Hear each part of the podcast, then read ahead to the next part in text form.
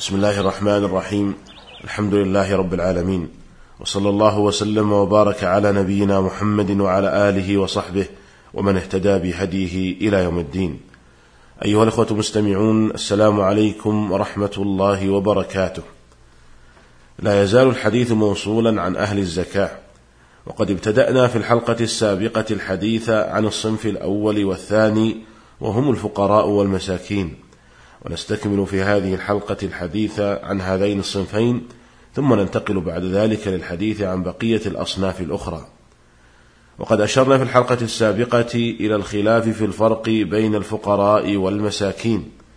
ورجحنا القول بأن الفقير هو من لا يجد شيئا أو يجد دون نصف الكفاية وأن المسكين هو من يجد نصف الكفاية أو أكثرها. ونوضح هذا الفرق بالمثال. رجل معدم ليس عنده شيء فهذا يوصف بأنه فقير. رجل له دخل شهري لا يكفيه إلا لعشرة أيام فقط فهذا فقير لأنه يملك دون نصف الكفاية.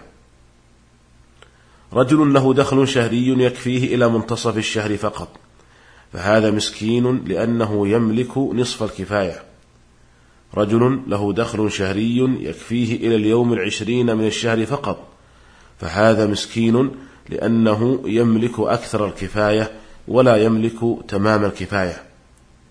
رجل له دخل شهري يكفيه إلى نهاية الشهر فهذا مكفي ولا يحل له أخذ الزكاة. رجل له دخل شهري ويدخر منه شيئا من المال فهذا لا تحل له الزكاة من باب أولى. ومن ملك من غير الأثمان ما لا يقوم بكفايته فليس بغني وإن كثرت قيمته ويجوز له الأخذ من الزكاة.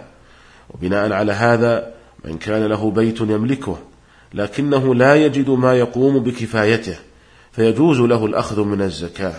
ولا يقال إن عنده بيت ملك فلا يجوز له أخذ الزكاة بل حتى لو كان له عقار يؤجره. لكنه لا يقوم بكفايته لم يكن هذا مانعا له من الأخذ من الزكاة. وقد نص على هذا الإمام أحمد رحمه الله فقال في رواية محمد بن الحكم قال إذا كان له عقار يستغله أو ضيعة لا تقيمه يأخذ من الزكاة. قال الموفق بن قدام رحمه الله وهذا قول الثوري والنخعي والشافعي وأصحاب الرأي ولا نعلم فيه خلافا. لأنه فقير محتاج فيدخل في عموم الآية. أما إن ملك من غير الأثمان ما يقوم بكفايته كمن له دخل يكفيه أو عقار يؤجره وتكفيه أجرة العقار أو مزرعة لها غلة وتقوم هذه الغلة بكفايته فليس له الأخذ من الزكاة. ومن أبيح له أخذ شيء من الزكاة أبيح له سؤاله.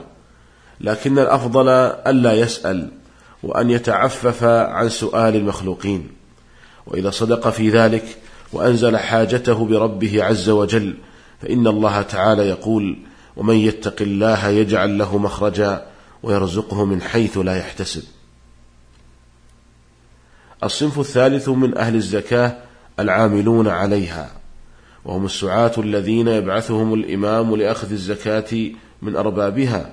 وجمعها وحفظها ونقلها ومن يعينهم على ذلك كالمحاسبين والكتاب وكل من يحتاج إليه فيها فيعطى أجرته منها لأن ذلك من مؤونتها. وقد كان النبي صلى الله عليه وسلم يبعث على الصدقة سعاة يعطيهم عمالتهم منها. قال أهل العلم وينبغي للإمام أن يبدأ بالعامل ينبغي للإمام أن يبدأ بالعامل فيعطيه عمالته لأنه يأخذ عوضا فكان حقه آكد ممن يأخذ مواساه. وأنبه هنا إلى أن من أعطي زكاة ليوزعه فليس من العاملين عليها بل هو وكيل عليها. أما العاملون عليها فهم ولاة على الزكاة ينصبهم ولي الأمر فعملهم عمل ولاية وليس عمل مصلحة. ولهذا فإنهم ولاة وليسوا أجراء.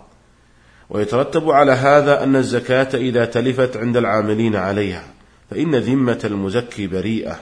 أما إذا تلفت الزكاة عند الموكل في التوزيع فلا تبرأ ذمة الدافع. ولا يشترط في العاملين عليه أن يكونوا فقراء بل يعطون ولو كانوا أغنياء لأنهم يعملون لمصلحة الزكاة فهم يعملون للحاجة إليهم لا لحاجتهم. الصنف الرابع من أصناف أهل الزكاة المؤلفة قلوبهم ممن يرجى إسلامهم أو كف شرهم أو يرجى بعطيتهم قوة إيمانهم. وهم الذين يطلب تأليف قلوبهم على هذه الأمور المذكورة وهي الأول الإسلام بحيث يكون كافرا لكن يرجى إسلامه إذا أعطي من الزكاة فيعطى من الزكاة لأن هذا فيه حياة لقلبه وحياته في الدنيا والآخرة. وإذا كان الفقير يعطى من الزكاة لإحياء بدنه فإعطاء الكافر الذي يرجى إسلامه من باب أولى ولو كان غنيا. ولكن من لا يرجى إسلامه من الكفار؟ فإنه لا يعطى من الزكاة أملا في إسلامه. بل لا بد أن تكون هناك قرائن قوية توجب لنا رجاء, رجاء إسلامه مثل أن نعرف أنه يميل إلى المسلمين أو أنه يطلب كتب كتبا عن الإسلام ونحو ذلك.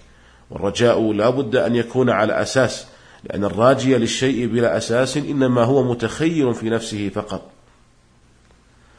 الثاني أن يرجى كف شره عن المسلمين فيعطى من الزكاة ما يكف به شره. لكن إن استطعنا كف شره بالقوة فلا حاجة إلى إعطائه من الزكاة. الثالث أن يرجى بعطيته قوة إيمانه. بحيث يكون رجلا ضعيف الإيمان عنده تهاون بالصلاة مثلا وإذا أعطيناه من الزكاة تقوى إيمانه فيعطى من الزكاة. وذلك لأنه إذا كان يعطى من الزكاة لحفظ بدنه وحياته فإعطاؤه لحفظ دينه من باب أولى. وهل يشترط أن يكون المؤلف قلبه سيدا مطاعا في عشيرته؟ هذا محل خلاف بين العلماء. فمن العلماء من لم يشترط هذا ومنهم من اشترط ذلك. قالوا لأن النبي صلى الله عليه وسلم حينما أعطى المؤلفة قلوبهم إنما أعطى الكبراء والوجهاء في عشائرهم وقبائلهم ولم يعط عامة الناس. ولأن الواحد من عامة الناس لا يضر المسلمين عدم إيمانه أو ضعف إيمانه ولا يضر المسلمين شره وبالإمكان السيطرة عليه إما بحبسه أو ضربه أو نحو ذلك. بخلاف الكبراء والوجهاء فإنه قد يتعذر ذلك في حقهم فيعطون من الزكاة لتأليف قلوبهم. وذهب بعض أهل العلم إلى التفصيل في المسألة وهي أن ما كان يرجى بعطيته كف شره عن المسلمين فلا بد أن يكون سيدا مطاعا في عشيرته لأن الواحد من الناس لا يضر المسلمين. ولا فلا نحتاج إلى أن نعطيه من الزكاة.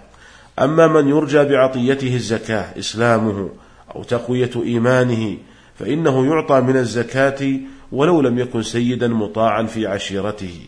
وذلك لأن النبي صلى الله عليه وسلم كان يعطي الذين أسلموا وأمن شرهم ليزداد إيمانهم حتى إنه ليعطي أقواما وغيرهم أحب إليه مخافة أن يكبهم الله في النار.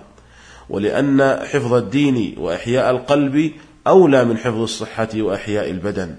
وهذا القول الأخير هو الأقرب في هذه المسألة والله تعالى أعلم.